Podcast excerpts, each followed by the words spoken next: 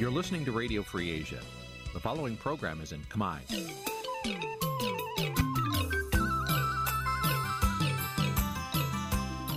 Nǐ chi càm bi tiệp xáy vệt chiu a zì sê ray នេះជាកម្មវិធីផ្សាយរបស់ Vithu Azisari ជាភាសាខ្មែរ វិទ្យុអាស៊ីសេរីសូមស្វាគមន៍លោកអ្នកនាងទាំងអស់ពីរដ្ឋធានី Washington នៃសហរដ្ឋអាមេរិក បាទពីរដ្ឋធានី Washington សហរដ្ឋអាមេរិកខ្ញុំបាទមេរិតសូមជម្រាបសួរលោកអ្នកនាងកញ្ញាប្រិយមិត្តអ្នកស្ដាប់ Vithu Azisari ស្រីទាំងអស់ជាទីមេត្រីយើងខ្ញុំសូមជូនកម្មវិធីផ្សាយសម្រាប់ព្រឹកថ្ងៃច័ន្ទ3កើតខែចែកឆ្នាំឆ្លូវត្រីស័កពុទ្ធសករាជ2565ដែលត្រូវនឹងថ្ងៃទី4ខែមេសាគ្រិស្តសករាជ2022បាទជាដំបូងនេះសូមអញ្ជើញលោកនាងស្ដាប់ព័ត៌មានប្រចាំថ្ងៃដែលមានមេត្តាដូចតទៅ អ្នកខ្លំមើលថាកម្ពុជានៅតែជាកូនអុករបស់ចិន ក្រោមនយោបាយចិនតែមួយអ្នកជំនាញ IMF រកឃើញថាកម្មវិធីឧបត្ថម្ភសាច់ប្រាក់ជូនគ្រួសារក្រីក្រ ក្នុងវិបត្តិជំងឺ Covid-19 មិនបានទៅដល់ដៃគ្រប់ក្រុមគ្រួសារក្រីក្រនោះឡើយតំណាងអង្គការ UNDP ថាភូមិចំនួន350ភូមិគ្មានភ្លើងអគ្គិសនីទៅដល់ អ្នកវិភាគថាគណៈបកភ្លើងទៀននឹងក្លាយជាគូប្រកួតប្រជែងដ៏ធំ របស់បកកណ្ដាលអំណាចនៅក្នុងការបោះឆ្នោតឃុំសង្កាត់រួមនឹងព័ត៌មានផ្សេងៗមួយចំនួនទៀតបាទជាបន្តទៅទីនេះខ្ញុំបាទមេរិតសូមជូនព័ត៌មានទាំងនេះពឺស្ដាបាទលោកនាងប្រិមម្នាក់ស្ដាប់ជាទីមេត្រីអ្នកជំនាញវិជាសាស្ត្រនយោបាយនិងអ្នកវិភាគមើលឃើញថាដើម្បីក្តោបក្តាប់អំណាចផ្ដាច់ការបានតទៅទៀត លោកនាយរដ្ឋមន្ត្រីហ៊ុនសែនត្រូវតែបន្តធ្វើជាកូនអុករបស់ប្រទេសចិន ក្នុងការគ្រប់គ្រងគោលនយោបាយចិនតែមួយការវិរំលាយដូចនេះគឺបន្ទាប់ពីលោកហ៊ុនសែនរំលឹកឡើងវិញថាតៃវ៉ាន់និងចិនគឺតែមួយ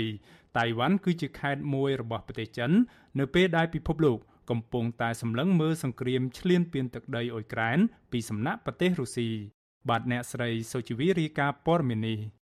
អ្នកជំនាញផ្នែកច្បាប់និងនយោបាយអន្តរជាតិលើកឡើងថា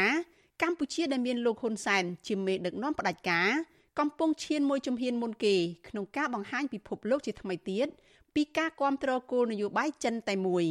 អ្នកជំនាញផ្នែកច្បាប់និងនយោបាយអន្តរជាតិកញ្ញាសេងធីរីបញ្ជាក់បន្ថែមទៀតថាកម្ពុជាជាប្រទេសទុនខ្សោយហើយមានមេដឹកនាំផ្ដាច់ការស្រឡាញ់អំណាចគឺជាចំណុចងាយស្រួលសម្រាប់ប្រទេសមហាអំណាចផ្ដាច់ការដូចជាប្រទេសចិនជាដើមប្រើប្រាស់ដើម្បីបំពេញមហិច្ឆតាពង្រីកអំណាច ឬតតាំងនឹងបណ្ដាប្រទេសលោកសេរីដែលការពារសិទ្ធិមនុស្សនិងប្រជាធិបតេយ្យកញ្ញាមើលឃើញថាកម្ពុជាកំពុងប្រឈមនឹងគ្រោះថ្នាក់ពីនយោបាយលំអៀងទៅរកចិននេះរឿងនឹងធំជាងរឿងកម្ពុជាទៀតជាការប្រយុទ្ធរវាងលោកសេរីហើយលោកផ្ដាច់ការនិមិត្តរូបដោយអាមេរិកលោកសេរីលោកផ្ដាច់ការនិមិត្តរូបដោយចិន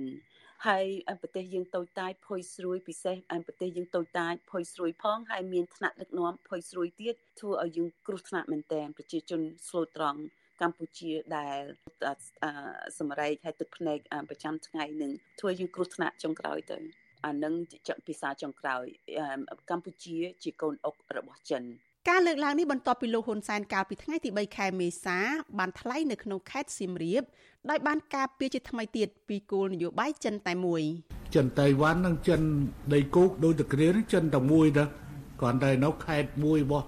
ខេត្តតៃវ៉ាន់ការលើកឡើងរបស់លោកហ៊ុនសែននេះទៀតសោតស្របពេលដែលពិភពលោកកំពុងសម្លឹងមើលសង្គ្រាមឈ្លានពានទឹកដីអ៊ុយក្រែនពីសំណាក់ប្រទេសរុស្ស៊ី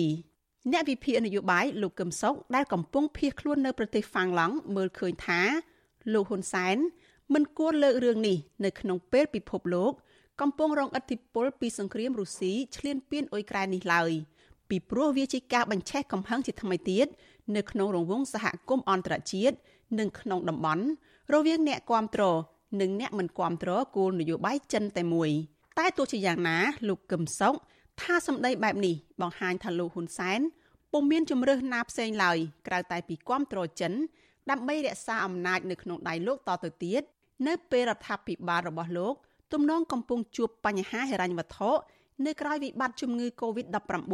ពីព្រោះបញ្ហាតៃវ៉ាន់គឺជារឿងដែលមានភាពចម្រូងចម្រាសរវាងចិនហើយនិងបណ្ដាប្រទេសប្រចាំលោករួចជាស្រេចទៅហើយហើយបើកាលណាលោកហ៊ុនសែនព្យាយាមឆ្កឹះរឿងហ្នឹងមកដោយលោកហ៊ុនសែនហ្នឹងព្យាយាមបង្កើតចំនួន ឬក៏ធ្វើឲ្យកម្ដៅនៃចំនួនតាក់ទងទៅនឹងបញ្ហាកោះតៃវ៉ាន់ហ្នឹងគឺកាន់តែធំឡើងហើយការលើកឡើងរបស់លោកហ៊ុនសែននេះវាទៅជាមាននិន្នាការក្នុងការតាក់ទាញផលប្រយោជន៍ហើយនឹងសមានចិត្តរបស់ប្រទេសចិនទៅវិញ នៅពេលដែលលោកហ៊ុនសែនត្រូវការជំនួយខ្លាំងបំផុតពីប្រទេសចិនលោកហ៊ុនសែនតែងប្រកាសជាញឹកញយថាកម្ពុជា បន្តអនុវត្តគោលនយោបាយចិនតែមួយដោយគ្មានងាករេព្រមទាំងមិនអនុញ្ញាត ឲ្យបើកស្ថានទូតតៃវ៉ាន់និងលើកទង់ជាតិតៃវ៉ាន់នៅកម្ពុជាទេនាងខ្ញុំសុជីវី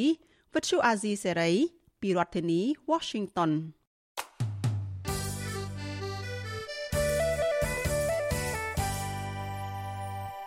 បាឡូននាងប្រិមម្នាក់ស្ដាប់ជាទីមេត្រីជុំវិញបញ្ហាដ៏ចម្រូងចម្រាសនៃក្តីមន្ទិលសង្ស័យជាយូរមកហើយអំពីវត្តមានយោធាចិននៅកម្ពុជានេះ បាទលោកនាយករដ្ឋមន្ត្រីហ៊ុនសែនស្នើឲ្យអ្នកវិភាគទាំងឡាយឈប់រិះគន់រដ្ឋាភិបាលរបស់លោកថាសាងសង់ប្រលានយន្តហោះដើម្បីធ្វើជាលានដ្ឋានឲ្យកងទ័ពរបស់ចិនបន្តទៅទៀតក៏ប៉ុន្តែអ្នកវិភាគលើកឡើងថាការដែលបានរិះគន់បែបនេះគឺដោយសារតែរដ្ឋាភិបាល បានអោបក្រសោបចិនជ្រុលហួសហេតុដើម្បីរក្សាអំណាចរបស់លោកហ៊ុនសែនដែលធ្វើឲ្យខូចខាតដល់ផលប្រយោជន៍ជាតិជារួម បាទពីរដ្ឋធានី Washington លោកសនចាន់រដ្ឋារាយការណ៍ព័ត៌មាននេះប្រមុខរដ្ឋាភិបាលក្រុងភ្នំពេញលហ៊ុនសែនបានប្រកាសថារកការសាងសង់ប្រលានហោះដែលជាចំនួនរបស់ចិនជាបន្តបន្តមកនេះធ្វើឡើងដើម្បីផលចំណេញផ្នែកសេដ្ឋកិច្ចរបស់កម្ពុជាមិនមែនដើម្បីបំរើឲ្យកងទ័ពបរទេសណាមួយនោះទេលោកហ៊ុនសែនមានប្រសាសន៍បែបនេះនៅក្នុងពិធីចុះពិនិត្យការដ្ឋានសំណង់ប្រលានយន្តហោះអន្តរជាតិស៊ីមរៀបថ្មីនៅថ្ងៃទី3ខែមេសាលោកស្នើឲ្យអ្នកវិភាគនិងអ្នកតាមដានស្ថានភាពសង្គមទាំងឡាយ ឲ្យឈប់រិះគន់រដ្ឋាភិបាលរបស់លោកថាសង់ប្រលានយន្តហោះដើម្បីធ្វើជាកន្លែងសម្ចររបស់កងទ័ពចិនបន្តទៀតមេដឹកនាំរដ្ឋាភិបាលក្រុងភ្នំពេញរូបនេះបញ្ជាក់ទៀតថាការសង់ប្រលានយន្តហោះនៅខេត្តសៀមរាបក្តីនិងនៅតារាសាគរជាប់ឆ្នេរសមុទ្រក្នុងខេត្តកោះកុងក្តីមិនមែនធ្វើឡើងដើម្បីបម្រើឲ្យកងទ័ពចិននោះទេបរទេសខ្លះទៅខ្មែរខ្លះទៅអានេះយូរយូរទៅអានេះឡប់បណ្ដោយចូលអាក្បួនឡប់ហើយបើនិយាយពីគិតពីយុទ្ធសាស្ត្រយោធាទៅវិញ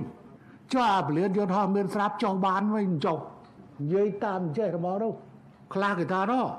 ពលានយន្តហោះនៅតារាសាគរជាពលានយន្តហោះមួយសម្រាប់ទទួលយោធាចិនឈួតទេហើយចុះមិនក៏មិនចុះនៅពលានយន្តហោះកងកេងបណ្ដោយទៅមិនស្រួលហើយក៏យ៉ាប់បំណាបើបានទៅជ្រុលថាឈ្មោះបកាច់ហើយមូលបកាច់ឲ្យច្បាស់ហ្មងថាពលានយន្តហោះទាំងអស់នៅស្រុកខ្មែរត្រៀមចុះយោធាចិនទាំងអស់អញ្ចឹងហ្មងទៅ ប៉ុន្តែការលើកឡើងរបស់លោកហ៊ុនសែននេះត្រូវបានអ្នកវិភាគនយោបាយនិងអ្នកតាមដានស្ថានភាពសង្គមមើលឃើញថាជាការអោបកសបចិនហួហេតុដែលធ្វើឲ្យខូចផលប្រយោជន៍របស់កម្ពុជាអ្នកវិភាគនយោបាយដែលកំពុងភៀសខ្លួននៅប្រទេសហ្វាំងឡង់លើកំសុកមានប្រសាសន៍ថាលោកមិនចង់រីករដ្ឋាភិបាលទេប្រសិនបើលោកហ៊ុនសែនឈប់អោបកសបចិនតែមួយហើយងាកដើរតាមកលងប្រជាធិបតេយ្យហើយចាប់យកប្រទេសមហាអំណាចសេរីដទៃទៀតជាមិត្តរបស់កម្ពុជាលោកកំសុកមើលឃើញថាការដែលលោកហ៊ុនសែននៅតែការពីចិនបែបនេះដោយសារតែមានដំណំរំនេះ បានរំលោភសិទ្ធិមនុស្សធ្ងន់ធ្ងរហើយដើរចាក់ឆ្ងាយពីកន្លងប្រជាធិបតេយ្យលោកបញ្ជាក់ថាទៅនេះហើយជាហេតុដែលលោកហ៊ុនសែនខំអោបកសបចិនដើម្បីឲ្យជួយការពារអំណាចគ្រួសារត្រកូលហ៊ុនតពីគាត់ទៅកូនប្រុសរបស់គាត់ដូច្នេះការព្យាយាមចាប់ចិន ដើម្បីយកបង្អែកចិន ទី1ឈរឲ្យមានភាពស័កសមបន្តិច នៅលើឆាកអន្តរជាតិដោយការពឹងមុខមាត់ចិនហើយទី2ពឹ ងនៅកម្លាំងរបស់ចិន ក្នុងការបន្លាចប្រជាពលរដ្ឋនិងសកម្មជនប្រឆាំងនានាកុំឲ្យងើបឡើងហើយទី3ពឹងហិរញ្ញវត្ថុរបស់ប្រទេសចិន ជាពិសេសអ្នកជំនួញចិន ដែលរកស៊ីខុសច្បាប់នៅប្រទេសកម្ពុជា ដើម្បីជួយចាយលុយក្នុងការទប់ស្កាត់នៅការដួលរលំនៃរដ្ឋាភិបាលរបស់គាត់ដោយការខ្វះហិរញ្ញវត្ថុចំណុចសំខាន់សំខាន់ទាំងនេះ លោកហ៊ុនសែនមិនអាចអនុវត្តជាមួយនឹងបណ្ដាប្រទេសដែលគេគោរពលទ្ធិប្រជាធិបតេយ្យបានទេម្ល៉េះហើយមានតែងាកទៅចិនខុបខិតជាមួយមហាអំណាចចិន ដើម្បីអាចមានឱកាសនៅក្នុងការរកបង្អែកគួសមមួយការពីអំណាចរបស់គាត់និងក្រុមគ្រួសាររបស់គាត់មជ្ឈមណ្ឌលដើម្បីសិក្សាយុទ្ធសាស្ត្រនិងកិច្ចការអន្តរជាតិ CSIS ដែលមានមូលដ្ឋាននៅសហរដ្ឋអាមេរិក បានចុះផ្សាយកាលពីខែតុលាឆ្នាំ2020ថារដ្ឋាភិបាលកម្ពុជាបានជួលដីទំហំធំនៅជុំវិញមូលដ្ឋានកងទ័ពជើងទឹករៀមឲ្យក្រុមហ៊ុនចិនហើយក្រុមហ៊ុនខ្លះមានទំនាក់ទំនងជាមួយនឹងរដ្ឋចិនក្នុងចំណោមក្រុមហ៊ុនទាំងអស់នោះមានក្រុមហ៊ុនមួយឈ្មោះ Canopy Sand Development Group ដែលជាក្រុមហ៊ុនបត់សម្ព័ន្ធរបស់ក្រុមហ៊ុន Prin Real Estate Group CSIS ថាក្រុមហ៊ុននេះកំពុងអភិវឌ្ឍផ្នែកមួយនៃឆ្នេរសមុទ្រនៅទិសខាងជើងនៃមូលដ្ឋានកងទ័ពជើងទឹករៀមរូបភាពពីផ្កាយរណប បង្ហាញថាក្រុមហ៊ុននេះបានចាប់យកដីជិត5គីឡូម៉ែត្រប៉ែកខាងជើងនៃមូលដ្ឋានកងទ័ពជើងទឹករៀមកាលពីខែកុម្ភៈឆ្នាំ2021ហើយចាប់តាំងពីពេលនោះមកក្រុមហ៊ុនបានចាក់ដីលុបចូលសមុទ្រទំហំប្រហែល100អារបាយការណ៍ដដែលបន្តថាតំបន់អភិវឌ្ឍទីក្រុងរៀមដែលរដ្ឋាភិបាលកម្ពុជានិងក្រុមហ៊ុនចិនរំពឹងថានឹងប្រែមុំមាត់ថ្មីសម្រាប់ខេត្តពិសេសនោះឲ្យក្លាយជាទីក្រុងធំបំផុតទី2របស់កម្ពុជានោះស្ថិតនៅមួយឆ្ងាយពីមូលដ្ឋានកងទ័ពជើងទឹករៀមដែលកំពុងរងការចាប់ប្រកាន់ ថាត្រូវបានរដ្ឋាភិបាលចិនផ្ដល់ជំនួយដល់កម្ពុជាដើម្បីប្រែក្លាយមូលដ្ឋានកងទ័ពមួយនេះសម្រាប់បម្រើផលប្រយោជន៍យោធារបស់ចិនជុំវិញរឿងនេះអ្នកខ្លំមើលកម្ពុជាលោករងឈុនមានប្រសាសន៍ថាលោកនៅតែមានមន្ទិលសង្ស័យលើការសាងសង់កំពង់ផែទឹកជ្រៅស្មោរៀមនិងប្រលានយន្តហោះអន្តរជាតិតារាសាគរនៅខេត្តកកុងថាអាចជាកន្លែងសម្ចររបស់យោធាចិនលោកបន្តថាប្រសិនបើមានវត្តមានចិនលើទឹកដីកម្ពុជាមែននោះនឹងធ្វើបាត់បង់ផលប្រយោជន៍ជាច្រើនជាពិសេស នឹងធ្វើប្រទេសសេរីថ្កោលទោសលើកម្ពុជាកាន់តែខ្លាំង។ បើមិនមានអីនោះទេគួរត្រូវបង្ហាញលៀបត្រដាងឲ្យប្រជាពលរដ្ឋបានយល់ទាំងអស់គ្នាជៀសវាងនៅមន្ទិលសង្ស័យធ្វើឲ្យអន្តរជាតិក៏មានអាការសង្ស័យអាការដែលសង្ស័យនឹងហើយដែលធ្វើឲ្យវិនិយោគទុនដែលមានគេឈ្មោះល្អល្អក៏ដូចជាអ្នកទេសចរគេនឹងពិបាកមកទេសចរគេនឹងពិបាកមកវិនិយោគទុននៅកម្ពុជាដែលគេគិតថាកម្ពុជាមិនមានស្ថិរភាព សវត្ថភាពក្នុងការគេមកវិនិយោគទុនឬមួយគេមកដើរកំសាន្តនៅកម្ពុជានៅវិភាគអ្នកខ្លំមើលកម្ពុជាថ្លែងថាពួកគេនឹងបន្តរីកលហ៊ុនសែនដដែលប្រសិនបើពួកគេមើលឃើញថាលហ៊ុនសែនដឹកនាំធ្វើហិនហោយដល់ជាតិដើម្បីផលប្រយោជន៍គ្រួសាររបស់ខ្លួនដោយសពថ្ងៃពួកគេនៅតែជឿជាក់ថាកម្ពុជានឹងខូចផលប្រយោជន៍ច្រើនពីបណ្ដាប្រទេសសេរីប្រសិនបើរដ្ឋាភិបាលលហ៊ុនសែននៅតែអបកសបចិនខ្លាំងពេកដូចសពថ្ងៃនេះពួកគេថាដើម្បីផលប្រយោជន៍ជាតិរដ្ឋាភិបាលគួរតាំងខ្លួននៅប្រជាក្រិត ទាំងប្រទេសសេរីនិងចិនហើយការអភិវឌ្ឍទាំងឡាយត្រូវប្រកបដោយតម្លាភាពទាំងការប្រាស្រ័យរ៉ែវត្ថុនិងកិច្ចសហប្រតិបត្តិការអន្តរជាតិខ្ញុំសនចាររថាវិទ្យុអាស៊ីសេរីរាយការណ៍ពីរដ្ឋធានីវ៉ាស៊ីនតោន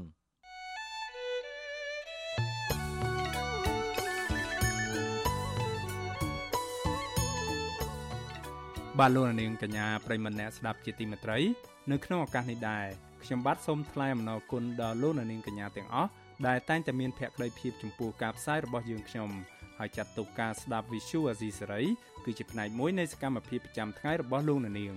ការគ្រប់គ្រងរបស់លោកអ្នកនាងនេះហើយដែលធ្វើឲ្យយើងខ្ញុំមានទឹកចិត្តកាន់តែខ្លាំងថែមទៀតនៅក្នុងការស្វែងរកនិងផ្តល់ព័ត៌មានពិតជូនលោកអ្នកនាងមានអ្នកស្ដាប់និងអ្នកទស្សនាកាន់តែច្រើនកាន់តែធ្វើឲ្យយើងខ្ញុំមានភាពស្វាហាប់និងមោះមុតជាបន្តទៅទៀតបាទយើងខ្ញុំសូមអរគុណទុកជាមុន ហើយសូមអញ្ជើញលោកអ្នកនាងកញ្ញាចូលរួមជំរុញឲ្យសកម្មភាពផ្តល់ព័ត៌មានពិតរបស់យើងខ្ញុំនេះកាន់តែជោគជ័យបន្ថែមទៀតលោកអ្នកនាងអាចជួយយើងខ្ញុំបានដោយគ្រាន់តែចុចចែករំលែកឬ Share ការផ្សាយរបស់យើងខ្ញុំនៅលើបណ្ដាញសង្គម Facebook និង YouTube ទៅកាន់មិត្តភ័ក្តិដើម្បីឲ្យការផ្សាយរបស់យើងបានទៅដល់មនុស្សកាន់តែច្រើន បាទសូមអរគុណ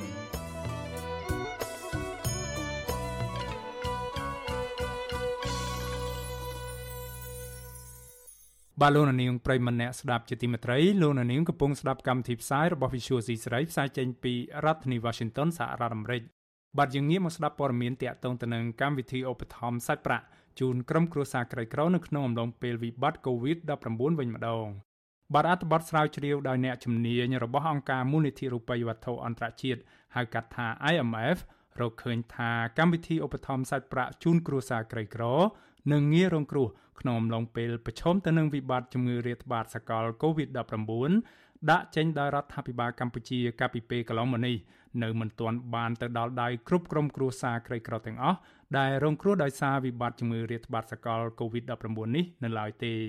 អត្ថបទស្រាវជ្រាវដែលមិនឆ្លុះបញ្ចាំងពីទស្សនៈរបស់អង្គការមូលនិធិរូបិយវត្ថុអន្តរជាតិ IMF ក៏ប៉ុន្តែជាទស្សនៈរបស់អ្នកជំនាញរបស់អង្គការនេះវាតម្លៃថាផ្អែកតាមការវិភាគរបស់ខ្លួន គ្រួសារក្រីក្រនៅកម្ពុជាប្រមាណ260,000គ្រួសារអាចធ្លាក់ខ្លួនរស់នៅក្រោមបន្ទាត់ភាពក្រីក្រដោយត្រូវចំណាយតិចជាង7500រៀលឬ1.90ដុល្លារនៅក្នុងមួយថ្ងៃក្នុងឆ្នាំ2020ខណៈពួកគេមិនស្ថិតនៅក្នុងចំណោមក្រុមពលរដ្ឋដែលត្រូវទទួលបានការឧបត្ថម្ភសាច់ប្រាក់ពីសំណាក់រដ្ឋាភិបាល ចំនួនគ្រួសារក្រីក្រថ្មីទាំងនេះស្មើនឹងជាងពាក់កណ្ដាលនៃចំនួនប៉ាន់ស្មានអំពីក្រុមគ្រួសារដែលរស់នៅក្រោមបន្ទាត់ភាពក្រីក្រក្រោយវិបត្តិជំងឺ Covid-19 នៅកម្ពុជា ដែលមានប្រមាណជិត460,000គ្រួសារអ្នកជំនាញរបស់អង្គការ IMF បញ្ជាក់ថាចំនួនគ្រួសារក្រីក្រថ្មីទាំងនេះភាគច្រើនគឺជាអ្នកដែលរស់នៅតាមតំបន់ប្រជុំជន ឬជាយក្រុងនិងជាអ្នកធ្វើការនៅក្នុងវិស័យសេវាកម្ម ការស្រាវជ្រាវដដែលរកឃើញថាបើទោះបីជាកម្មវិធីឧបត្ថម្ភសាច់ប្រាក់របស់រដ្ឋាភិបាលកម្ពុជា បានចូលរួមចំណែកជួយកាត់បន្ថយអត្រាភាពក្រីក្រធ្ងន់ធ្ងរនៅកម្ពុជា បានទាន់ពេលក៏ដោយក៏កម្មវិធីឧបត្ថម្ភសាច់ប្រាក់នេះផ្ដោតគោលដៅតែទៅលើក្រុមគ្រួសារដែលមានចំណូលទាបជាងគេបំផុតតែប៉ុណ្ណោះនៅកម្ពុជា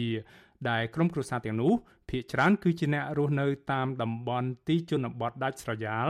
និងជាអ្នកប្រកបរបរកសិកម្ម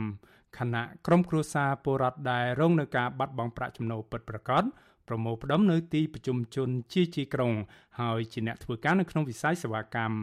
យ៉ាងណាក៏ដោយអ្នកជំនាញរបស់អង្គការ IMF ទទួលស្គាល់ថាកម្មវិធីឧបត្ថម្ភសាច់ប្រាក់របស់រដ្ឋាភិបាលអាចជួយស្រោចស្រង់ឲ្យពលរដ្ឋកម្ពុជាប្រមាណ5%នៅក្នុងចំណោមប្រជាជនសរុបចេញផុតពីបន្ទាត់ភាពក្រីក្រ រដ្ឋាភិបាលបានអនុវត្តកម្មវិធីឧបត្ថម្ភសាច់ប្រាក់ជូនគ្រួសារក្រីក្រ និងងាយរងគ្រោះនៅក្នុងអំឡុងពេលប្រយុទ្ធប្រឆាំងនឹងជំងឺ Covid-19 ចាប់ពីខែមិថុនាឆ្នាំ2020មករហូតមកទល់បច្ចុប្បន្នហើយគ្រោងនឹងបន្តរហូតដល់ដំណាច់ខែកញ្ញាឆ្នាំ2022ខាងមុខនេះដែលមានចំនួន8ជុំនិងជាង20លើករួចមកហើយក្រសួងសង្គមគិច្ច ឲ្យដឹងការពីចុងខែកុម្ភៈថារដ្ឋបានចំណាយទឹកប្រាក់សរុបជិត600លានដុល្លារអាមេរិកសម្រាប់កម្មវិធីឧបត្ថម្ភសាច់ប្រាក់នេះនៅក្នុងនោះគ្រួសារក្រីក្រសរុបជាង680,000គ្រួសារស្មើនឹងចំនួនពលរដ្ឋជាង2លាន7សែននាក់ទទួលបានប្រាក់ឧបត្ថម្ភនេះកាលពីចុងឆ្នាំ2020ក្រសួងផែនការវាតម្លៃថា ប្រជាជនកម្ពុជាសរុបជិត18%ឬស្មើនឹងជិត3លាននាក់នៅក្នុងចំណោមប្រជាជនសរុបកំពុងរស់នៅក្រោមបន្ទាត់ភាពក្រីក្រទោះជាយ៉ាងណា Visual C ស្រីមិនទាន់អាចតាក់ទងแนะនាំពាក្យរដ្ឋាភិបាលដើម្បីឆ្លើយតបទៅនឹងការរកឃើញរបស់អ្នកជំនាញនៃអង្គការមូលនិធិរូបិយវត្ថុអន្តរជាតិ IMF នេះបាននៅឡើយទេបាទលោកនាងប្រិមម្នាក់ស្ដាប់ជាទីមេត្រីរឿងរ៉ាវដែលដライមួយទៀត អង្គការសហប្រជាជាតិប្រចាំនៅកម្ពុជាថានៅទូទាំងប្រទេសកម្ពុជា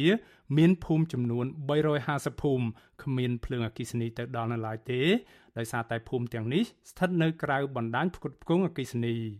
អនុប្រធានកម្មវិធីអភិវឌ្ឍអង្គការសហប្រជាជាតិប្រចាំនៅកម្ពុជាហៅកាត់ថា UNDP អ្នកស្រី Sonali Dayaratne ថ្លែងនៅក្នុងកិច្ចប្រជុំចាប់ផ្ដើមគម្រោងទទួលបានធម្មពលកកើតឡើងវិញសម្រាប់តំបន់ជនបទ កាលពីថ្ងៃទី1ខែមេសាថាក្នុងចំណោមភូមិទាំង350ភូមិនេះមានភូមិចំនួន180ភូមិពិបាកទៅដល់ដោយសារតែគ្មានហេដ្ឋារចនាសម្ព័ន្ធផ្លូវថ្នល់ត្រឹមត្រូវ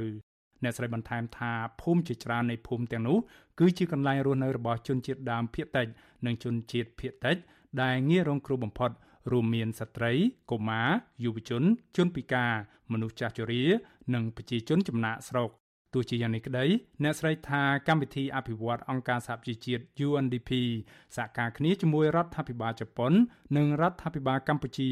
កំពុងរកវិធីដាក់ឲ្យប្រើប្រាស់អគ្គិសនីដើរដោយធម្មពលព្រះអាទិត្យទៅដល់ភូមិទាំងនេះអ្នកស្រីបន្តទៀតថាការផ្ដល់អគ្គិសនីដល់សហគមន៍ទាំងនេះគឺនឹងជួយកាត់បន្ថយភាពក្រីក្រ ពង្រីកឱកាសនិងការកែលម្អសុខភាពផលិតភាពនិងស្តង់ដាររស់នៅរបស់អ្នកភូមិ ជាពិសេសនៅក្នុងស្ថានភាពដែលប្រទេសកម្ពុជា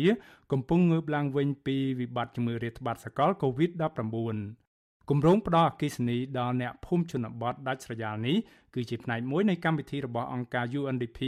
ជាសកល ដែលក្រុងផ្ដល់ធម្មពលបែបនេះដល់ពលរដ្ឋសរុបប្រមាណ500លាននាក់នៅទូទាំងពិភពលោក ត្រឹមឆ្នាំ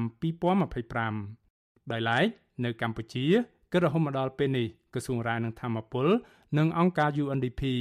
បានដំឡើងបណ្ដាញអគិសនីខ្នាតតូចនៅក្នុងភូមិចំនួន4នៃសហគមន៍ជនជាតិដើមភាគតិចនៃខេត្តរតនគិរីនិងអ្នកភូមិតាមកោះដែលរស់នៅលើតំបន់បឹងទលេសាប និងខេត្តកំពង់ឆ្នាំង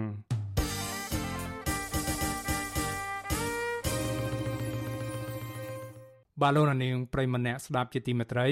ព័ត៌មានតកតងទៅនឹងការបោះឆ្នោតឃុំសង្កាត់អាណត្តិទី5វិញម្ដង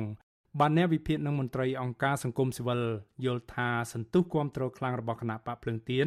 នឹងធ្វើឲ្យបកនេះក្លាយជាដៃគូប្រកួតប្រជែងការបោះឆ្នោតឃុំសង្កាត់ជាមួយគណៈបកកណ្ដាលអំណាចការវិដំឡៃបែបនេះគឺបន្ទាប់ពីពួកគេ បានចូលរួមនៅក្នុងកម្មវិធីជួបជុំបេក្ខជនរបស់គណៈបកភ្លើងទៀននៅក្នុងខេត្តកំពង់ធំ កាលពីថ្ងៃទី3ខែមេសាម្សិលមិញ ក៏ប៉ុន្តែមន្ត្រីជាន់ខ្ពស់បកកណ្ដាលអំណាចថាយោងតាមស្នាដៃនិងគុណសម្បត្តិនាពេលកន្លងទៅរបស់គណៈបកប្រជាជនកម្ពុជាបកភ្លើងទៀនពុំមែនជាដៃគូប្រកួតប្រជែងពិតប្រាកដសម្រាប់ការបោះឆ្នោតខាងមុខនេះទេគណៈបកភ្លើងទៀនដែលបានបដូរឈ្មោះពីគណៈបកសំរងស៊ីនោះហាក់កំពុងទទួលបាននឹងការគាំទ្រដ៏ច្រើនពីប្រជាពលរដ្ឋជាពិសេសសកម្មជននិងក្រុមអ្នកគាំទ្រគណៈបកសង្គ្រោះជាតិ អ្នកវិភាគមើលឃើញថាសន្ទុះគាំទ្រដ៏ច្រើននេះនឹងធ្វើឲ្យគណៈបកភ្លើងទៀនក្លាយជាដៃគូប្រកួតប្រជែងដ៏ធំរបស់គណៈបកប្រជាជនកម្ពុជារបស់លោកហ៊ុនសែននៅក្នុងការបោះឆ្នោតឃុំសង្កាត់នៅខែមិថុនាឆ្នាំនេះអ្នកវិភាគនយោបាយចាស់ភាសាបណ្ឌិតឡើងមង្ហៃមើលឃើញថាសន្ទុះគាំទ្ររបស់គណៈបកភ្លើងទៀន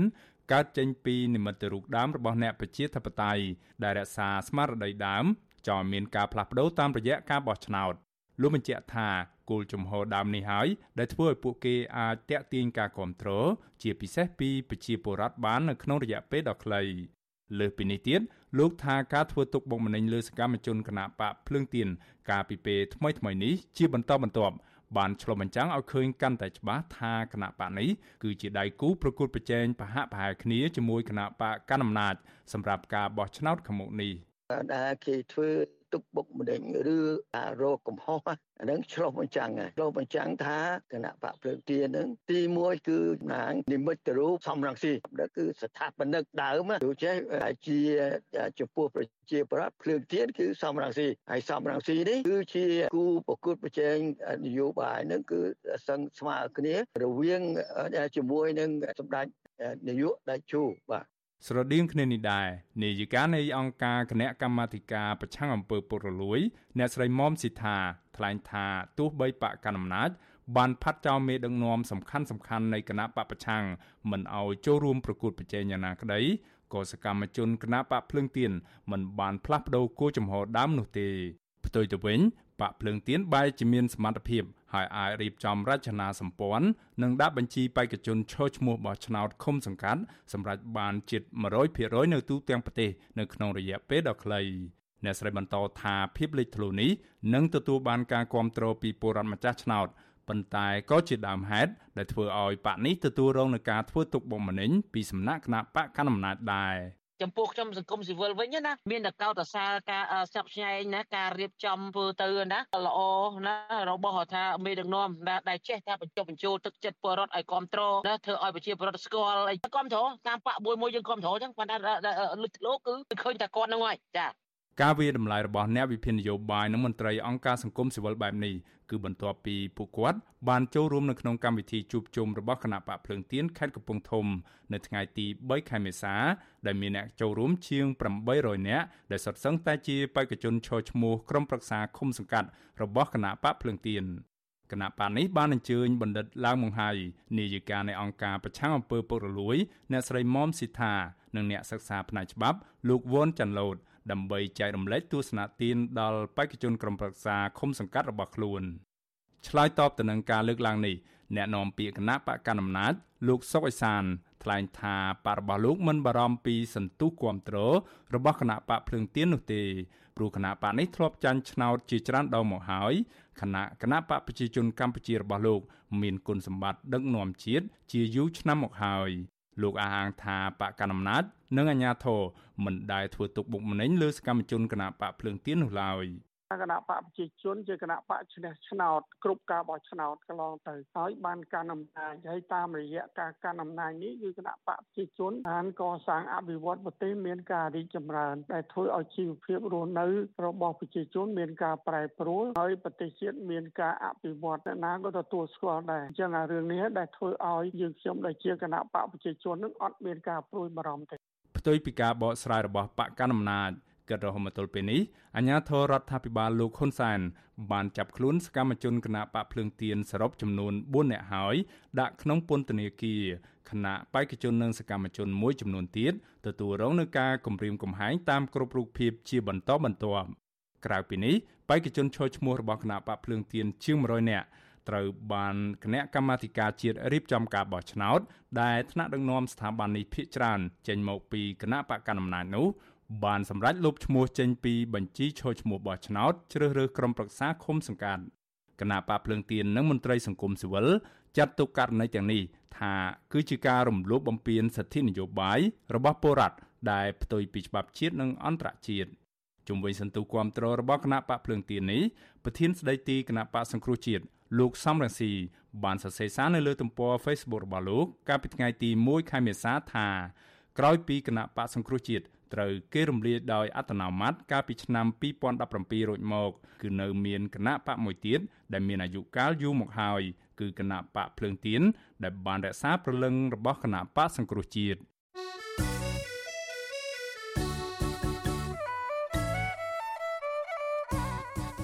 បាឡូណានាងប្រិមម្នាក់ស្ដាប់ជាទីមេត្រីដំណើរគ្នានឹងស្ដាប់កម្មវិធីផ្សាយរបស់ Visual C ស្រីតាមបណ្ដាញសង្គម Facebook និង YouTube លោកនាងក៏អាចស្ដាប់កម្មវិធីផ្សាយរបស់ Visual C ស្រីតាមរលកធារកាសខ្លីឬ Shortwave តាមកម្រិតនិងកម្ពស់ដូចតទៅនេះពេលព្រឹកចាប់ពីម៉ោង5កន្លះដល់ម៉ោង6កន្លះតាមរយៈរលកធារកាសខ្លី12140 kHz ស្មើនឹងកម្ពស់ 25m និង13715 kHz ស្មើនឹងកម្ពស់ 22m ពេលយប់ចាប់ពីម៉ោង7កន្លះដល់ម៉ោង8កន្លះ តាមរយៈរលកធារកាសខ្លី9960 kHz ស្មើនឹងកម្ពស់ 30m និង12140 kHz ស្មើនឹងកម្ពស់ 25m បាទសូមអរគុណ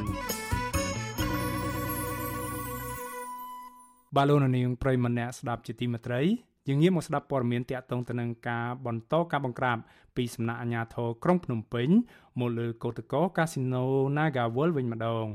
បាទក្រុមកោតក្របុគ្គលិកក្រុមហ៊ុន Casino Naga World ជាច្រើនអ្នកបច្ចុប្បន្នកំពុងប្រឈមទៅនឹងបញ្ហាសុខភាពដោយសារតែរងនឹងការប្រើប្រាស់អំពើហិង្សាពីសំណាក់អាជ្ញាធរក្រុងភ្នំពេញជាច្រើនថ្ងៃជាបន្តបន្ទាប់ជាប់ជាប់គ្នាមកនេះពួកគាត់ខកចិត្តចំពោះអាជ្ញាធរក្រុងភ្នំពេញដែលមិនបានដើរតួនាទីជាអ្នកបម្រើរាជនៅក្នុងការរកដំណោះស្រាយឲ្យបានត្រឹមត្រូវដើម្បីបិទបញ្ចប់វិវាទការងារដ៏រ៉ាំរ៉ៃមួយនេះឡើយបាទលោកជីវតារីកាព័រមេនី ក្រុមកោតក្រក្រុមហ៊ុន Casino Naga World ឲ្យវិទ្យុអាស៊ីសេរីដឹងនៅថ្ងៃទី3មេសាថាពួកគាត់ឈឺចាប់ពេញរាងកាយនិងមានស្លាកស្នាមជាប់លើដងខ្លួនក្រោយពីអាជ្ញាធរបានដាក់កម្លាំងឡោមព័ទ្ធប្រើអំពើហិង្សាលើពួកគាត់ទាំងកំរោលក្នុងរយៈពេលប្រមាណថ្ងៃចុងក្រោយនេះ។កោតកោនឹងជាបុគ្គលិកក្រុមហ៊ុន Casino Naga World កញ្ញាប៉ែនរស្មីប្រាប់វិទ្យុអាស៊ីសេរីថាកញ្ញានិងកោតកោផ្សេងទៀតដែលភ័យច្រើនជាស្ត្រី មានសុខភាពទ្រុឌទ្រោមខ្លាំងនិងអ្នកខ្លះទៀតគ្មានលទ្ធភាពគ្រប់គ្រាន់បានត្រឹមតែទិញថ្នាំសម្រាប់ព្យាបាលនៅផ្ទះកញ្ញាបញ្ជាក់ថាកោតកោភ័យច្រើនសុទ្ធតែមានស្នាមជាំលើរាងកាយដូចដូចគ្នា និងខ្សោះអស់កម្លាំងដោយសារអាញាធរព្យាយាមរារាំងក្រុមកោតកោដោយប្រើអំពើហិង្សា មិនឲ្យកោតកោឈរតវ៉ាដោយសន្តិវិធី នៅក្បែរអគារក្រុមហ៊ុន។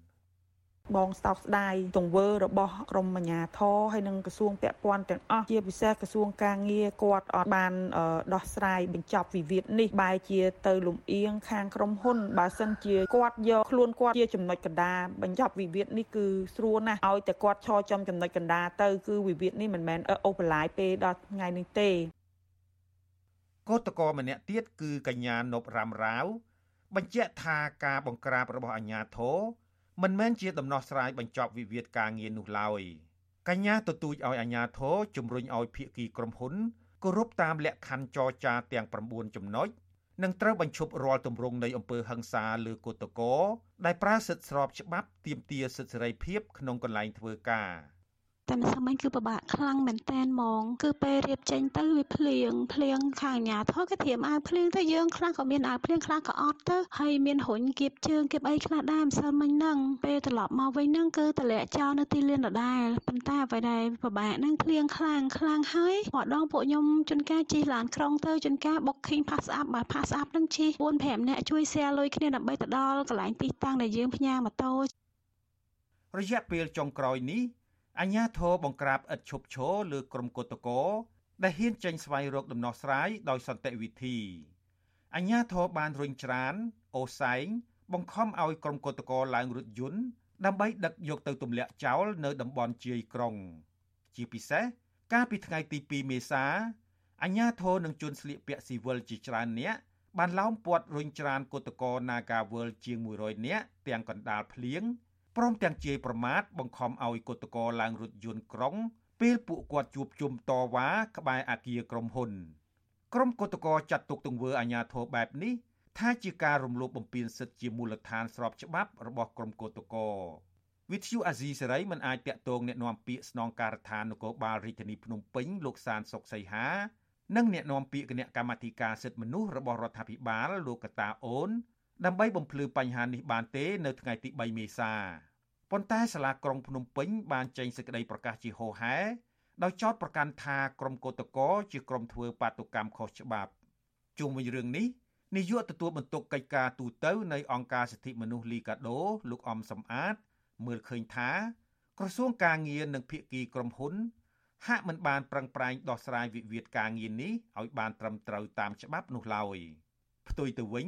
កោតកោបែរជារងសម្ពាធនិងហិង្សាកាន់តែខ្លាំងពីការបង្ក្រាបរបស់អាជ្ញាធរលោកបន្តថាបើអាជ្ញាធរបន្តប្រើអំពើហិង្សាលើកោតកោបែបនេះនោះនឹងកាន់តែជះឥទ្ធិពលអវិជ្ជមានបន្ថែមទៀតដល់រដ្ឋាភិបាល។ បើសិនជាភាគីពាក់ព័ន្ធទាំងអស់រួមគ្នាដើម្បីពន្លឿននីតិវិធីនៅក្នុងការដោះស្រាយដោយសន្តិវិធីដើម្បីបញ្ចប់វិវាទការងាររវាងក្រុមហ៊ុន Nagawal ជាមួយនឹងអតីតឬក៏បុគ្គលិក Nagawal ដែលកំពុងធ្វើកោតកម្មនេះវាជារឿងល្អហើយវាមិនជះឥទ្ធិពលទាក់ទងនឹងការរំលោភទៅលើសិទ្ធិការងាររំលោភទៅលើសិទ្ធិមនុស្សឬក៏ការតម្រង់ហិង្សាផ្សេងផ្សេងប៉ះពាល់ទៅដល់បុគ្គលិកនិងអតីតបុគ្គលិក Nagawal ដែលជាស្ត្រីនោះបាទ កាលពីថ្ងៃទី29មីនាភាគីក្រុមហ៊ុនបានបញ្ជាក់ពីជំហរដដែលដោយបដិសេធមិនទទួលយកកម្មករជាង200នាក់និងថ្នាក់ដឹកនាំសហជីពឲ្យចូលធ្វើការវិញឡើយក្រុមកោតក្របញ្ជាក់ថាការបដិសេធរបស់ភាគីក្រុមហ៊ុនច្រើនលើកច្រើនសារមកនេះបង្ហាញថាថៅកែក្រុមហ៊ុន Nagavel ពិតជាមានចេតនាចង់រំលាយសហជីពឯករាជ្យទាំងស្រុងក្រសួងការងារក៏បានប្រកាសឲ្យភាគីទាំងពីរ ពិចារណាឡើងវិញក្នុងការចរចារកដំណោះស្រាយវិវាទការងារនេះម្ដងទៀតនៅថ្ងៃទី6មេសាខាងមុខទោះជាយ៉ាងណា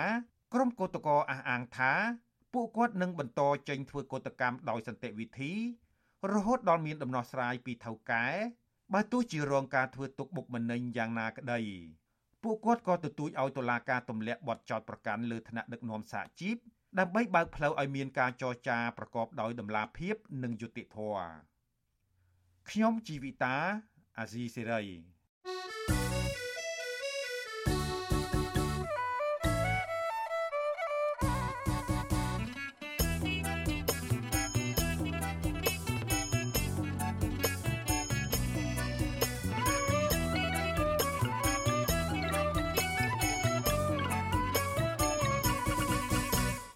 បាទលោកនាងប្រិមម្នាក់ស្ដាប់ជាទីមេត្រីព័ត៌មានពាក់ព័ន្ធទៅនឹងសិទ្ធិការងារនេះដែរ ក្រមសហជីពដែលបានរីកាប្រាប់តំណាងបេសកកម្មស្វែងរកការពិតរបស់អង្គការអន្តរជាតិខាងការងារឬហៅកាត់ថា ILO អំពីស្ថានភាពសេរីភាពសហជីពនៅកម្ពុជា រំពឹងថារដ្ឋាភិបាលកម្ពុជានឹងចាត់វិធានការនានាក្នុងការធានានូវសេរីភាពសហជីពស្របតាមអនុសាសន៍របស់អង្គការអន្តរជាតិមួយនេះ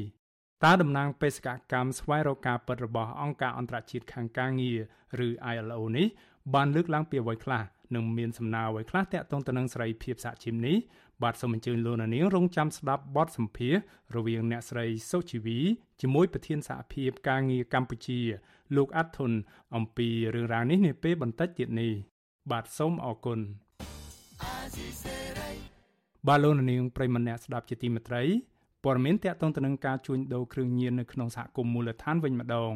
បាទពលរដ្ឋមួយចំនួននៅខេត្តពោធិ៍សាត់ត្អូញត្អែនិងព្រួយបារម្ភយ៉ាងខ្លាំងអំពីបញ្ហាសន្តិសុខដោយសារតែការរីករាលដាលនិងការជួញដូរគ្រឿងញៀននៅក្នុងភូមិឃុំរបស់ពួកគាត់ពលរដ្ឋឲ្យដឹងថាអ្នកលក់ដូរគ្រឿងញៀនទាំងនោះមិនខ្លាចញញើតនឹងអាជ្ញាធរនោះឡើយអង្គការសង្គមស៊ីវិលស្នើដល់អាជ្ញាធរពាក់ព័ន្ធបង្ក្រាបនិងអនុវត្តច្បាប់ឲ្យបានតឹងរឹងចំពោះបទល្មើសគ្រឿងញៀនទាំងនេះបាទលោកមូណារ៉េតរាយការណ៍ព័ត៌មាននេះ ប្រជាពលរដ្ឋនៅឃុំតឡូនៃស្រុកបាកាន នៅក្នុងខេត្តពោធិ៍សាត់អះអាងថាគ្រឿងញៀនត្រូវបានគេលក់ដូរដោយអាណាធិបតេយ្យនៅតំបន់នេះដោយមិនមានការទប់ស្កាត់ពីអាជ្ញាធរនោះឡើយប្រជាពលរដ្ឋមួយរូបដែលសុំមិនបញ្ចេញឈ្មោះព្រោះបារម្ភពីបញ្ហាសុវត្ថិភាព រៀបរាប់ប្រាប់វិទ្យុអាស៊ីសេរីថាលោកតែងតែឃើញក្រុមយុវជន ដែលមានអាយុចន្លោះពី16ឆ្នាំដល់30ឆ្នាំនិងមានគ្នាចាប់ពី4ទៅ5នាក់នៅក្នុងមួយក្រុមមួយក្រុមបានដើរចែកចាយនិងសេពគ្រឿងញៀនដោយពុំមានការភ័យខ្លាចពីការចាប់ឬក៏ពីនៃរបស់អាជ្ញាធរមូលដ្ឋាននោះឡើយលោកយល់ថាការជួញដូរនិងប្រើប្រាស់គ្រឿងញៀនច្រើនយ៉ាងនេះគឺដោយសារតែការមិនយកចិត្តទុកដាក់និងបញ្ហាអសមត្ថភាពរបស់អាជ្ញាធរមូលដ្ឋាន ពលរដ្ឋដដែលនេះបន្ថែមថាលោកមានការព្រួយបារម្ភទៅដល់អនាគតក្មេងៗស្រកក្រោយខ្លាចពួកគេផុងលង់ខ្លួនប្រើប្រាស់គ្រឿងញៀនដកខ្លួនមិនរួច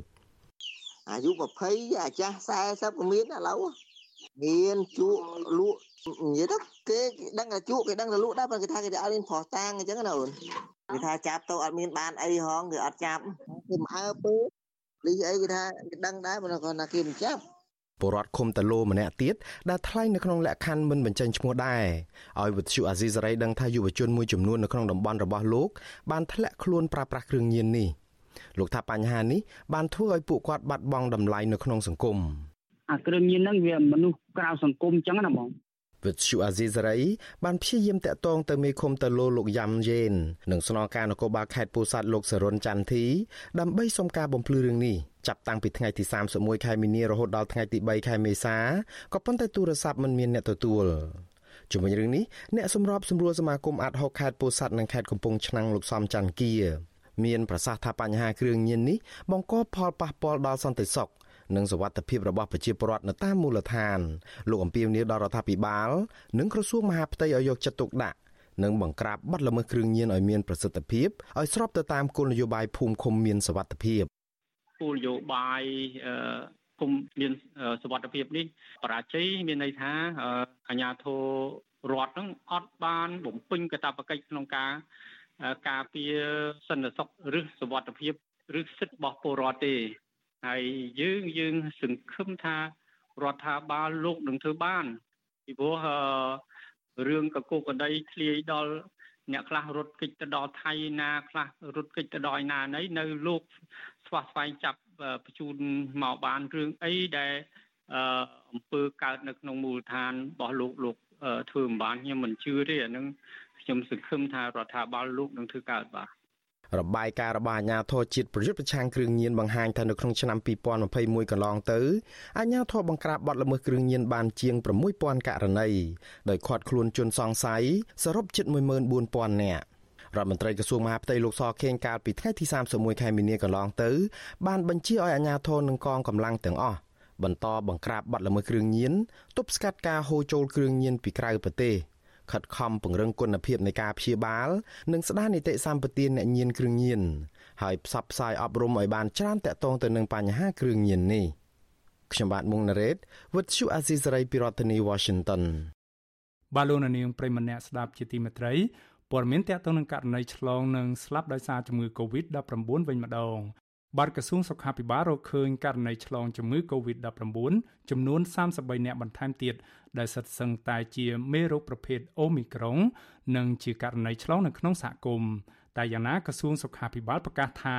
មិនមានករណីស្លាប់នោះទេនៅថ្ងៃម្សិលមិញនេះបាទគិតត្រឹមថ្ងៃទី3ខែមេសា កម្ពុជាមានអ្នកកើតជំងឺ Covid-19 ចំនួនជាង135,000នាក់នៅក្នុងនោះអ្នកជាសះស្បើយមានប្រមាណ132,000នាក់និងអ្នកស្លាប់មានចំនួន3054នាក់ ក្រសួងសុខាភិបាលប្រកាសថាគិតត្រឹមថ្ងៃទី2ខែមេសារដ្ឋាភិបាលបានចាក់វ៉ាក់សាំងគ្រប់ដូសជូនដល់ប្រជាពលរដ្ឋប្រមាណ14លាននាក់រីឯដូសជំរុញទី3និងទី4វិញរដ្ឋាភិបាលចាក់ជូនពលរដ្ឋបានជាង9លានដូស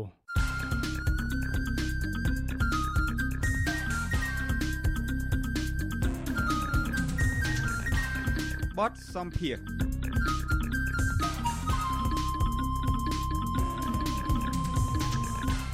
បាឡូណានីងប្រិមម្នាក់ស្ដាប់ជាទីមេត្រីក្រមសហជីពដែលបានរីកាប្រាប់តំណាងបេសកកម្មស្វែងរកការពិត របស់អង្គការអន្តរជាតិខាងការងារហៅកាត់ថា ILO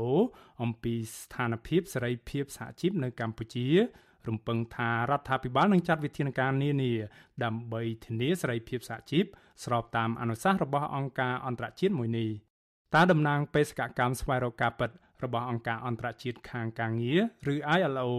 បានលើកឡើងពីបញ្ហាអ្វីខ្លះនិងមានសំណើអ្វីខ្លះទាក់ទងទៅនឹងសេរីភាពសហជីពនេះបាទជាបន្តទៅទៀតនេះសូមអញ្ជើញលោកនាងស្ដាប់បទសម្ភាសរវាងអ្នកស្រីសុជីវី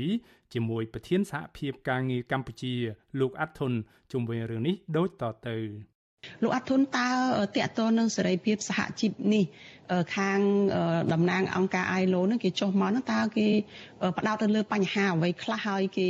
និយាយអ្វីខ្លះពីស្ថានភាពសេរីភាពសហជីពនៅកម្ពុជាចា៎បេសកកម្មដើម្បីស្វែងរកការពិតមកពីអង្គការ ILO វាជាបេសកកម្មមួយបន្ទាប់ពីការស្រាវជ្រាវរបស់អង្គការ ILO ទៅឃើញថាកម្ពុជាមិនទាន់បានអនុវត្តបានល្អទៅតាម គោលការណ៍នៃអនុសញ្ញាលេខ87ដែលជាពិសេសគឺប្រព័ន្ធសេដ្ឋកិច្ចសហជីពដែលកម្ពុជាបានឲ្យស្ថាប័ននោះហើយក្រោយពីអង្គការ ILO បានតាមដាន នៅករណីបណ្ដឹងជាច្រើន ចាប់ពីឆ្នាំ2002មកជាពិសេសគឺដូចជាករណីសម្រាប់លោកហ៊ីវធីរដ្ឋមន្ត្រីលោកជាវិជាហ្នឹងគឺថាមិនទាន់បានស្វែងរកគិតកោពិតនៅឡើយហើយបណ្ដឹងក៏នៅតែជាប់នៅឡើយហើយ ករណីអំពើហិង្សានៅឆ្នាំ2014ក៏មិនទាន់បានដោះស្រាយកាលនោះគឺថាមានតំណាងសហជីពនិងកម្មករមួយចំនួនត្រូវបានគេសម្លាប់ហើយចាប់ខ្លួនហើយក៏ដូចជាមកដល់ពេលនេះគឺថាមានលេងមួយចំនួនមែនប៉ុន្តែមិនទាន់មានការដកបណ្ដឹងជាដើមហើយមានករណីជាច្រើនទៀតដូចជាសំណុំរឿងចាប់ប្រកាន់ក្រោយពីឆ្នាំ2014មកមានការប្តឹង តាមនំសហជីពនឹងច្រើនមែនទែនដល់ជាង100ករណីហើយមានការដោះស្រាយនឹងបានបានដែរគាត់ថាបាននៅក្នុងកម្រិតតិចព្រោះតាមសបាយការ CLC យើងទទួលបានក្នុងចំណោមរឿងនៅតុលាការនិងរឿងព្រំប្រទាន58ករណីយើងបានទទួលឯកសារផ្លូវការការដកពាក្យបណ្ដឹងតែ16ករណីទេនឹងមានការប្រឈប់សហគមន៍សហជីព រើសអើងនឹងការចងក្រងសហជីពមិនអោយសហជីពធ្វើជាតំណាងក្នុងការពីក្តីដោយកម្មករហើយជាពិសេសរយៈពេល2 3ឆ្នាំនេះគឺយើងមើលដឹងថាសំបីតែសំណុំរឿងនៅអញ្ញាកដាលដែលអញ្ញាកដាលធ្លាប់កាត់សំណុំរឿងពិវាទរួមក្នុងមួយឆ្នាំរហូតដល់ទៅជិត300ករណីយើងឃើញថារឿងនេះថយមកនៅត្រឹម10 20ឬក៏30 40ករណីប៉ុណ្ណឹងមានន័យថាបណ្ដឹងទាំងអស់ ដែលមានកើតឡើងឬក៏បញ្ហាដែលកើតឡើងនៅមូលដ្ឋានហ្នឹងគឺមិនត្រូវបានដោះស្រាយក៏ប៉ុន្តែរឿងមិនអាចបញ្ជូនមកលើបានអញ្ចឹងករណីទាំងអស់នោះហើយដែលអង្គការ ILO នោះគឺថាអឺចុះមកស្វែងរកការពិតអំពីការរំលោភផ្សេងៗហ្នឹងពីកម្ពុជា តើបេសកកម្មនេះមានន័យសេចក្តីយ៉ាងម៉េចទៅនៅពេលដែលលោកបានលើកឡើងហើយថាគេមានធ្វើសេចក្តីសន្និដ្ឋានមួយតើសេចក្តីសន្និដ្ឋានហ្នឹងគេលើកឡើងថាម៉េចហើយគេមានផ្ដល់អនុសាសន៍ឬក៏គេមានជីវវិធានការយ៉ាងម៉េចនៅក្រៅពេលដែលបញ្ចប់ដំណើរបេសកកម្មរយៈពេលមួយសប្តាហ៍ហ្នឹងចា៎ពេលដែលចប់បេសកកម្មរបស់ខ្លួនហ្នឹងគឺថាបានធ្វើអឺហៅថាការសង្ខេបខ្លីមួយដើម្បីចែកជូនទៅដល់អ្នកពាក់ព័ន្ធហើយនៅក្នុងនោះ អាចនិយាយខ្ញុំនិយាយជារួមណា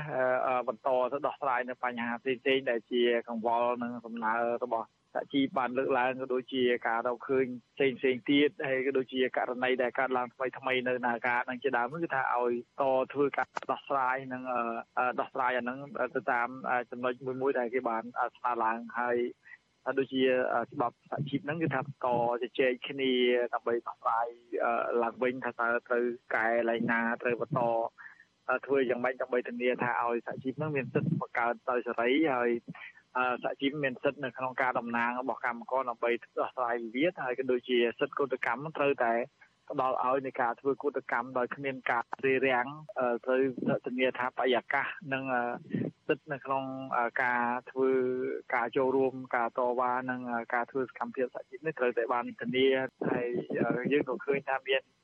ប្រតិកម្មការឆ្លើយតបពីខាងអាជីពនិងខាងខាងយោជកក៏ដូចជាខាងរដ្ឋាភិបាលដើម្បីមើលកគ្រប់គ្រងមិនគ្រប់គ្រងរឿងរបាយការណ៍ហើយក៏ដូចជាមានអីដែលស្នើនឹងផងដែរទីនេះជាលើកទី2ហើយដែលខាងអង្គការ ILO នឹងមានបេសកកម្មមកកម្ពុជានឹងតើខុសគ្នាយ៉ាងម៉េចកន្លងមកនឹងតើរដ្ឋាភិបាលបានឆ្លើយតបទៅនឹង អ្វីដែលក្រមបេសកកម្មពិសេសនឹងបានស្នើឡើងកាលពីមុនដែរឬទេឬក៏រឿងរ៉ាវនៅតែបន្តកើតមានឡើងដដែលដដែលចាស់លោកអាត់ធុនវាមានចំណុចខ្លះហាក់បីដូចជាបន្ថែមឬក៏ក្រើនរំលឹកលើចំណុចលើកមុនគឺបន្តឲ្យដោះស្រាយដោយសារតែនៅក្នុងឆ្នាំ2017នោះខាង ILO គឺបានដាក់10ចំណុចជាក់លាក់ហ្នឹងគឺថារដ្ឋាភិបាលហ្នឹងបានធ្វើបានមួយចំនួនតូចប៉ុន្តែ នៅការងារមួយចំនួននៅមិនទាន់បានធ្វើហើយបញ្ហាថ្មីថ្មីដែលពាក់ព័ន្ធការរំលោភសិទ្ធិការបើអំពើហិង្សានិងការយាយីផ្សេងផ្សេងមកលើសហជីពហ្នឹងគឺគេដាក់បន្ថែមជាពិសេសគឺករណីដំណើរការហ្នឹងគឺក៏គេបានលើកឡើងឲ្យត្រូវដោះស្រាយអឺធ្វើម៉េចឲ្យធានាថាសិទ្ធិកម្មករត្រូវបានធានានិងមានការទទួលយកបានទាំងសងខាងមានន័យថាភាគីត្រូវមានឱកាសក្នុងការជជែកនឹងដើមហើយ ទូទៅគឺ ILO ភាគច្រើនគឺគឺអាចនិយាយថាគេលើកឡើងក្នុងសេចក្តីថ្លែងការណ៍ហ្នឹងឬក៏របាយការណ៍ជារួមទូទៅគឺអង្គការ ILO មិនមិនមានកាតព្វកិច្ចទៅបង្ខំក្រុមហ៊ុនទេឬក៏ណែនាំក្រុមហ៊ុនទេប៉ុន្តែ ILO គោលការណ៍គឺគាត់ធ្វើការណែនាំមករដ្ឋាភិបាលនិងក្រើនរំលឹកទៅរដ្ឋាភិបាលតែម្ដងអញ្ចឹងមានតែរដ្ឋាភិបាលទេដែល ត្រូវធ្វើការផ្ទាល់ជាមួយនឹងក្រុមហ៊ុនដើម្បីឲ្យដោះស្រាយបញ្ហាហ្នឹងតើ ILO មានអធិបុលអីទេនឹងធ្វើយ៉ាងម៉េចបានទេដាក់ទណ្ឌកម្មឬក៏ធ្វើយ៉ាងម៉េចឬក៏ចាត់វិធានការយ៉ាងម៉េចដើម្បីឲ្យមានសិទ្ធិសេរីភាពសហជីពឡើងវិញបាននោះចា៎ជាទូទៅក្នុងករណីដែលប្រទេសឬក៏រដ្ឋនៅបន្តធ្វើបែបដូចនាការឬក៏ដូចករណីផ្សេងៗទៀតហ្នឹងមិនមានកំណោះស្រាយ គឺគេនឹងចាត់ប្រទេសរបស់យើងគឺចូលនៅក្នុងគេហៅថាបញ្ជីវែងជីវែងគេថា long list ហ្នឹងគឺកម្ពុជានៅក្នុងការតាមដានត្រួតពិនិត្យដែលត្រូវធ្វើសវនាការនៅនៅសណែវហើយនៅក្នុងនោះដែរគេនឹងចាត់ចូលនៅក្នុងអ្នកដែលគេសរសេរលីជាបញ្ជីខ្លីនៅក្នុងបញ្ជីខ្លីនេះគឺយើងត្រូវធ្វើសវនាការផ្ទាល់សវនាផ្ទាល់មកនៅគណៈកម្មការស្តង់ដារ CAF អឺ company or application and standard ហ្នឹងគឺគេត្រូវធ្វើសវនាការនៅសណែវហ្នឹងនៅខែ6នេះឯងហើយបើសិនជាកម្ពុជាឬក៏ការរំលោភវាធ្ងន់ធ្ងរជាប្រព័ន្ធកម្ពុជាអាចនឹងត្រូវបានគេដាក់នៅក្នុង blacklist ហើយបើក្នុង blacklist មានន័យថាកម្ពុជាយើងគឺរងនៅបញ្ហាច្រើនណាស់ដូចជាករណីថាมันមានតំណែងតំណងសេដ្ឋកិច្ចឬក៏បិទការជាតំណតំណងពាណិជ្ជកម្មអីចឹងជាដើមដែលយើងធ្លាប់ដឹងនៅភូមិមាអញ្ចឹងនៅគឺដល់ដល់កម្រិតហ្នឹងអញ្ចឹងអានឹងដល់កម្រិតធ្ងន់ធ្ងរវាដល់ដល់ចំណុចហ្នឹងអញ្ចឹង ILO recommendation និងការណែនាំមែនប៉ុន្តែ នៅពេលដែលប្រព័ន្ធ ILO បិទហើយមានន័យថាប្រព័ន្ធ UN ទាំងអស់នៅក្នុងប្រព័ន្ធ UN ហ្នឹងមិនថាប្រព័ន្ធពាណិជ្ជកម្មឬប្រព័ន្ធអីធ្វើបិទដែរកាលណាបិទបិទទាំងអស់អញ្ចឹងគឺមានអធិពលខ្លាំងប៉ុន្តែគាត់ថាអានោះគឺថាធ្ងន់ធ្ងរប៉ុន្តែគាត់ថានៅក្នុងករណីនេះធ្ងន់ធ្ងរនិងស្រាលវាមិនសំខាន់ទេសំខាន់ថាតើ ក្នុងនាមក្រសួងការងារក្នុងនាមរដ្ឋគួរតែដោះស្រាយមិនឲ្យវាល្អឲ្យប្រជាពលរដ្ឋនឹងសុបាយចិត្តឲ្យអ្នកវិនិយោគទុននឹងធ្វើទៅក៏សុបាយចិត្តកម្មករក៏សុបាយទាំងអស់គ្នាទៅវាចប់រឿងហើយអរគុណច្រើនលោកអាត់ធុនជួបប្រសុខភាពល្អចា៎បាទលោកនាងកញ្ញាទើបបានស្ដាប់បទសម្ភាសរវាងអ្នកស្រីសុជីវីជាមួយប្រធានសហភាពការងារកម្ពុជាលោកអាត់ធុនស្ដីពីបេសកកម្មស្វែងរកការពិត របស់អង្គការអន្តរជាតិខាងការងារឬ ILO និងសេរីភាពសហជីពនៅកម្ពុជា បាទសូមអរគុណ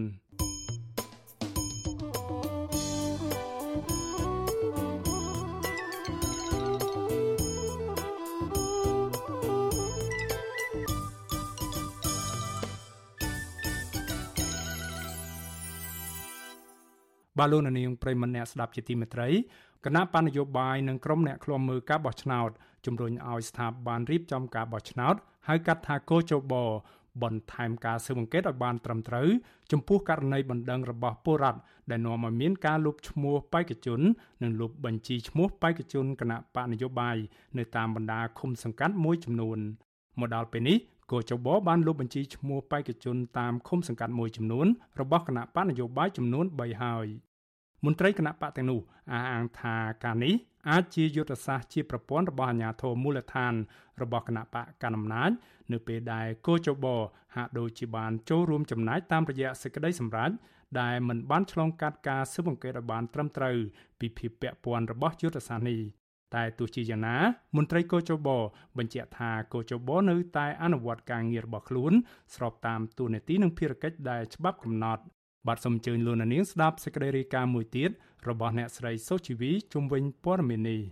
គណៈកម្មាធិការជាតិរៀបចំការបោះឆ្នោតឬកោជបរងការរិះគន់ថា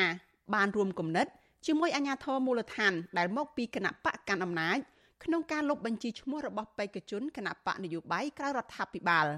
មន្ត្រីគណៈបកនយោបាយក្រៅរដ្ឋាភិបាលទាំងនោះ និងអ្នកខ្លំមើលការបោះឆ្នោតបានមើលឃើញពីភាពមិនប្រក្រតីមួយចំនួននៅក្នុងដំណើរការជំនុំជម្រះក្តីរបស់កោជបអនុប្រធានគណៈបកភ្លើងទៀនលោកថៃសិដ្ឋាប្រាប់វិទ្យុអាស៊ីសេរីថាមូលហេតុសំខាន់ដែលនាំទៅលុបឈ្មោះបេក្ខជននិងបញ្ជីឈ្មោះបេក្ខជននៅតាមឃុំសង្កាត់នេះគឺដោយសារមានបណ្ដឹងរបស់ពលរដ្ឋដែលសង្ស័យថាបេក្ខជនមិនចេះអានមិនចេះសរសេរនិងមានបេក្ខជនខ្លះប្តឹងដកឈ្មោះចេញពីបញ្ជី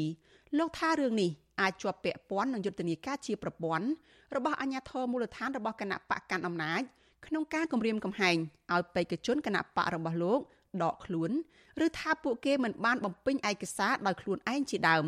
លោកលើកឡើងទៀតថា នៅពេលដែលកោជបមិនបានស៊ើបអង្កេតរកឫសគល់នៃបញ្ហា ដែលកើតចេញពីការធ្វើទុកបុកម្នេញផ្នែកនយោបាយនេះទេកោជបនឹងនៅតែជាប់ឈ្មោះថាបានចូលរួមធ្វើការបោះឆ្នោតនៅពេលខាងមុខនេះ ពុំមែនជាការបោះឆ្នោតដែលត្រឹមត្រូវសេរី និងយុត្តិធម៌ឡើយយើងនៅតាមដានបន្តតលចប់មើលតើរឿងរ៉ាវហ្នឹងគេយ៉ាងមិនចាត់ចែងយ៉ាងមិនរបស់ហ្នឹងតើវាអាចបង្ហាញនៅអាជាក្រិតរបស់ខ្លួនហ្នឹងវាកម្រិតប្រមាណដូចហើយដូចនៅកំពង់ចាមអីហ្នឹងពុតដឹងដូចលេងសើចអញ្ចឹងពុតដឹងមកថាគេមិនចេះអសរដល់ពីអសរមិនចេះរៀនបរិញ្ញាបត្រអីហ្នឹងហើយ ដឹកឲ្យវល់អញ្ចឹងមកទៅក៏ចូលបោកមានសិទ្ធិអង្គអីទៅយកមកពិនិត្យតម្រះអីអញ្ចឹងទៅហើយដូចតែកន្លែងថាដូចនៅពោធិ៍សាត់អញ្ចឹងណាគ្រាន់តែមានគេបដិងលុបឈ្មោះអីអញ្ចឹងទៅប៉ូលីសនឹងមានសិទ្ធិទូនីតិអីទៅហៅគេកោះគេមកសួរធ្វើនោះវាក៏ឆ្លាំបតោមិនដឹងជាអំណាចនឹងនៅស្ថិតលើខាងអ្នកណាទេគិតត្រឹមថ្ងៃទី31ខែមិនិនាកោជប បានសម្រេចលុបបញ្ជីឈ្មោះបេក្ខជនឈរឈ្មោះបោះឆ្នោតក្រុមប្រឹក្សាឃុំសង្កាត់របស់គណៈបកនយោបាយចំនួន3ហើយក្នុងនោះរួមមានគណៈបកភ្លើងទៀនគណៈបកឆន្ទៈខ្មែរនិងគណៈបកសម្បុកឃុំសង្គមប្រជាធិបតេយ្យក្នុងនោះដែរកោជបបានសម្រេចលុបបញ្ជីឈ្មោះបេក្ខជនគណៈបកភ្លើងទៀនចំនួន7ឃុំសង្កាត់គឺនៅសង្កាត់ទួលស្វាយព្រៃទី1ក្នុងខណ្ឌបឹងកេងកង សង្កាត់ផ្សារដើមគោក្នុងខណ្ឌទួលគោកសង្កាត់មនោរមក្នុងខណ្ឌដូនពេញ និងសង្កាត់ព្រែកលៀបនៅក្នុងខណ្ឌជ្រោយចង្វានិងឃុំកណ្ដៀងក្នុងខេត្តពោធិ៍សាត់សង្កាត់កំពង់ចាមនិងសង្កាត់បឹងកុកនៅក្នុងខេត្តកំពង់ចាមក្រៅពីនេះក៏មានបេក្ខជននៅតាមឃុំសង្កាត់ជាច្រើនទៀតរបស់គណៈបកនេះត្រូវកោជបសម្រាប់លុបចេញពីបញ្ជីដែរ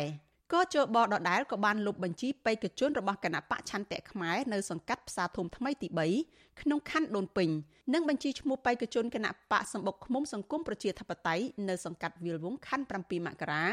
រួមទាំងលុបឈ្មោះបេក្ខជនរបស់គណៈបកនេះជាច្រើនអ្នកផ្សេងទៀតដែរ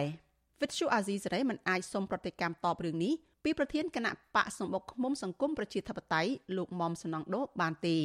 ប្រធានគណៈបកឆន្ទៈខ្មែរលោកគង់មុនីកាប្រាប់វិទ្យុអាស៊ីសេរីថាបេក្ខជនរបស់គណៈបកលោកមួយចំនួនបានសម្រេចដកខ្លួនចេញពីការបោះឆ្នោតភ្លាមភ្លាមបន្ទាប់ពីរងការគំរាមកំហែងពីអាជ្ញាធរមូលដ្ឋានរបស់គណៈបកកណ្ដាលអំណាចលោកថា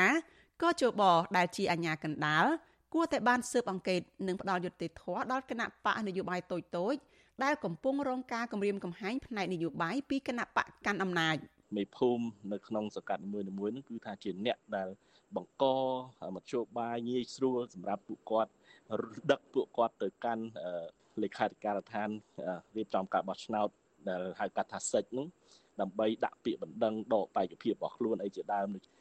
វាមានចំណុចផ្សេងទៀតដូចជាការគម្រាមថានឹងដក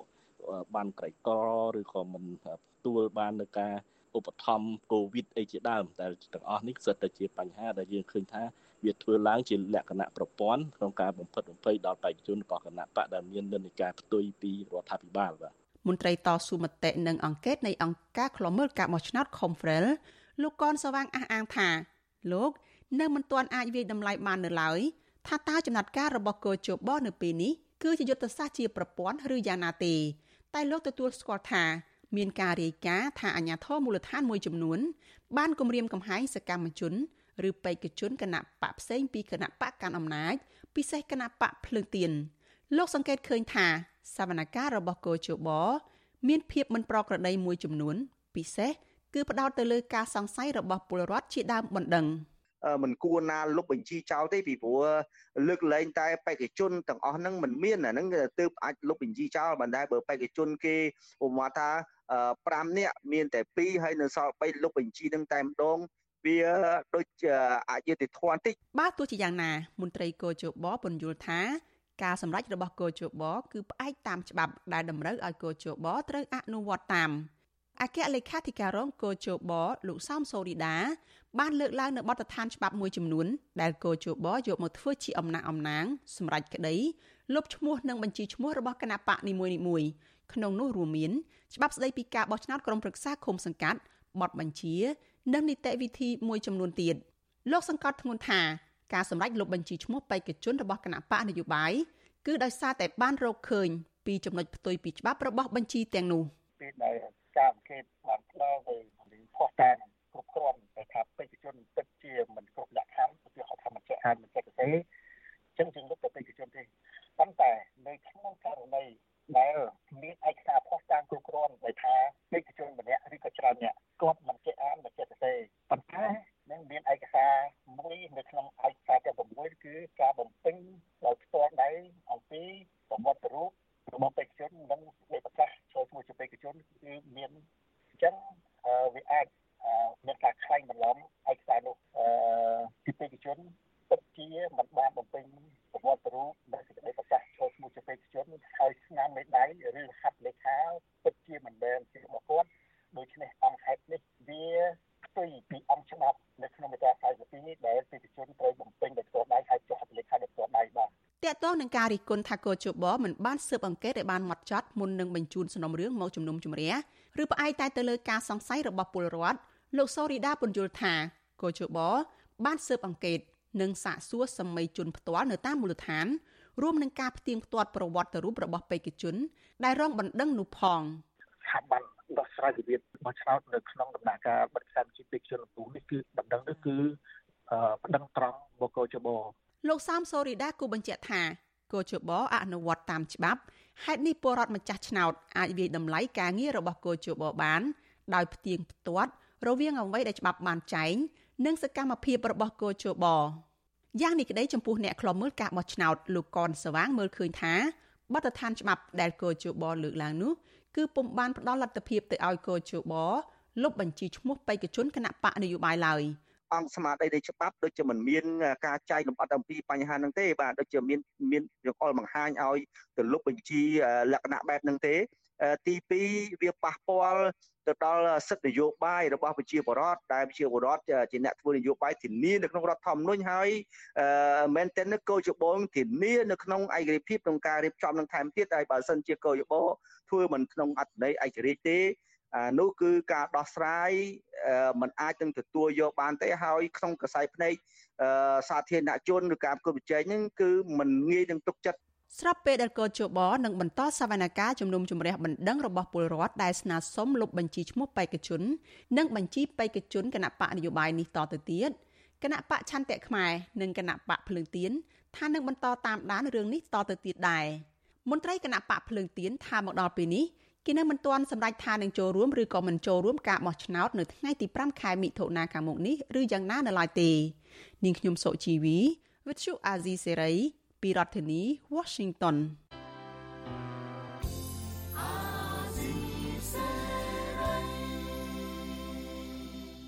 បាទលោកនាងកញ្ញាប្រិមម្នាក់ស្ដាប់ជាទីមេត្រីកម្មវិធីផ្សាយរយៈពេល1ម៉ោងនៃ Visual Asia ស្រីជាភាសាខ្មែរនៅពេលនេះចប់តែប៉ុណ្ណេះ យើងខ្ញុំសូមជូនពរដល់លោកនាងកញ្ញាព្រមទាំងក្រុមគ្រួសារទាំងអស់ឲ្យជួបប្រកបតែនឹងសេចក្តីសុខចម្រើនរុងរឿងកំបីគ្លៀនគ្លាតឡើយ